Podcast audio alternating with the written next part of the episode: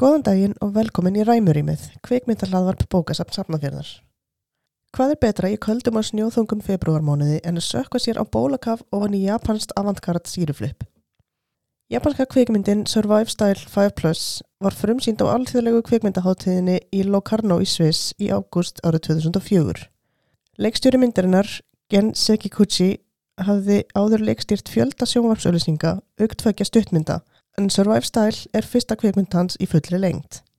Handrið sömundur myndarinnar er Taku Tada um kvikmyndatöku sá Makoto Shiguma og með helstu hlutverk fara Tadanobu Asano, Reika Hashimoto, Kyoko Koizumi, Hiroshi Abe, Itoku Kishibe, Yoshiyuki Morishita, Jai West, Yoshiyoshi Arakawa og Vinnie Jones.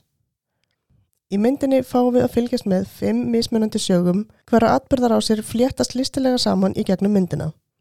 Sögurnar fimm eru mertar með númurum en koma þó fyrir í að að verðist handahófskendri röð.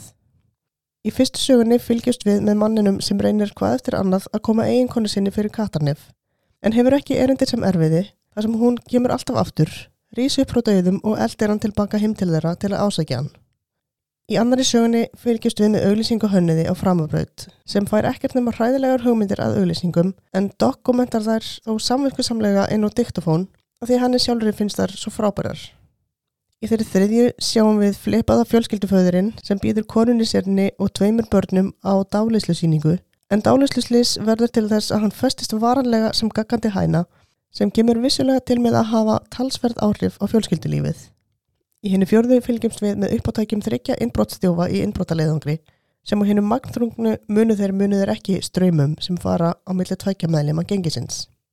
Þessar fjóru sögur tengjast svo innbyrðis í gegnum þá fymtu sem segir frá existentialíska breska legumorðingjarnum sem myrðir fólk á hróttafullan hátt en má til með að spyrja alla sem hann hittir um hver sé tilgangu þeirra í lífinu. Í fylg legumorðingjans er svo ávalt tólkurinn hans sem ljósmyndar að auki öll fornarlömpun eftir verknaðinn og gerir morðin þannig á vissin hátt að listgrein. Vegna sinna sérstöku ólínulegu söguframvindu og þess hvernig sögurnar 5 eru listilega fléttaðar saman hefur Survive Style 5 Plus gerðan verið líkt við myndir á borðið Magnolia eða Pulp Fiction nema bara á síru. Skæri leitagliði og nánast barnslegar áherslur ráða ríkjum í leikmyndahönnuninni. Hvarvegna í bakgrunni má sjá litríkar og krútlegar fígurur og hverskins glingur og skreitingar líkt og áttar á barn hafi fengið lausan taumin í einanhúsannun. Þessi litagleði í bland við hérna absúrtísku fléttu gerir það verkum að myndin hefur einnig yfir sér nokkus konar draumkjent yfirbræð en um leiðir ekki laust við að áhörfundur getur fylst viðstri lindsískri ónátatilfinningu. Þá sérstaklega þegar að komið er inn í húsmann sem myrðir konuna sína sem líktur út eins og brúðuhús í anda í Razorhead og draumaseglunar í Twin Peaks. Hljóðmyndin er að auki nýtt á glæsinlegan hátt samhliða myndfléttunni til að tvinna sögurnar saman.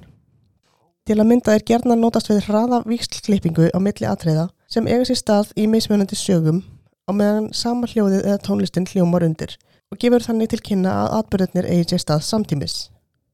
Einnig er hljóðmyndin mikið nótuð til að leggja áherslu á einhvað sem áhörfundur ætti að taka sérstaklega eftir. Sem dæmi mætti nefna í hvert skipti sem auglýsingahönnur var nýja hræðilega hugmynda auglýsingu og blikkar hún augunum í takt við lítið stef sem spilast.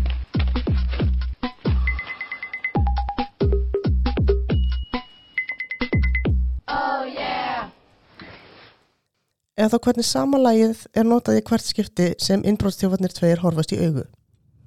Það var í afskaplega auðvilt að sumera myndina bara saman í eitt hendugt hvað í fjöndanum var ég að horfa á, en ef betur er aðgáð þá er hún mun dýbri en bara skemmtilegt tveggja klukkutunda síruflip. Ekki þarf annað en að skoða bara titilinn Survive Style sem geti útlagst sem aðferði til að lifa af til að átta sig á því að hér er raun á ferðinni háalvegleg existentialísk sín á lífið og tilgang þess eða eins og legumorðingin orða það svo vel. What is your function in life? Í öllum sögunum fimm þurfa personur á einhverjum tímapunkti að staldra við og íhuga tilgangsinn í lífinu. Líf þeirra allra verðist fremur kaotísk og stormasum, en það er ekki fyrir en einn persón að byrja að átta sig á því að lífið er stutt, að tímatni breytast og það er undir okkur sjálfum komið hvort við tökum ákvarðin um að breytast í takt við á eða ekki. Hvort breytingarnar eru góðar eða slæmar er bara spurning um sjónarhorn. Þessi sena er ákveðin vendipunktur í myndinni en eftir hana byrja personunnar ein af annari að takast á við þær breytingar sem eru að eiga sér stað í þeirra lífi. Survive Style 5 Plus er sannkallaður falin gímstinn japanskar kvikmyndamenningar. Hún er uppfull af fallega listrænum skotum og sótsvörtum húmor en hefur um leið yfir sér ákveðna mýkt og er ekki löst við að eftir því sem líður á myndina þá læðist svo litið upp að manni hversu antmanni verður um örlug allra personuna. Þrátt fyrir hinn draumkendi ónótalegheit sem myndin getur vakið upp á köplum þá skilur hún eftir sig ákveðna velíðana tilfinningu sem situr eftir lengi eftir að myndinni líkur. Survive Style 5 Plus verður sínt hér á bókasefni Hafnarfjörðar 5. daginn 17. februar klukkan 17.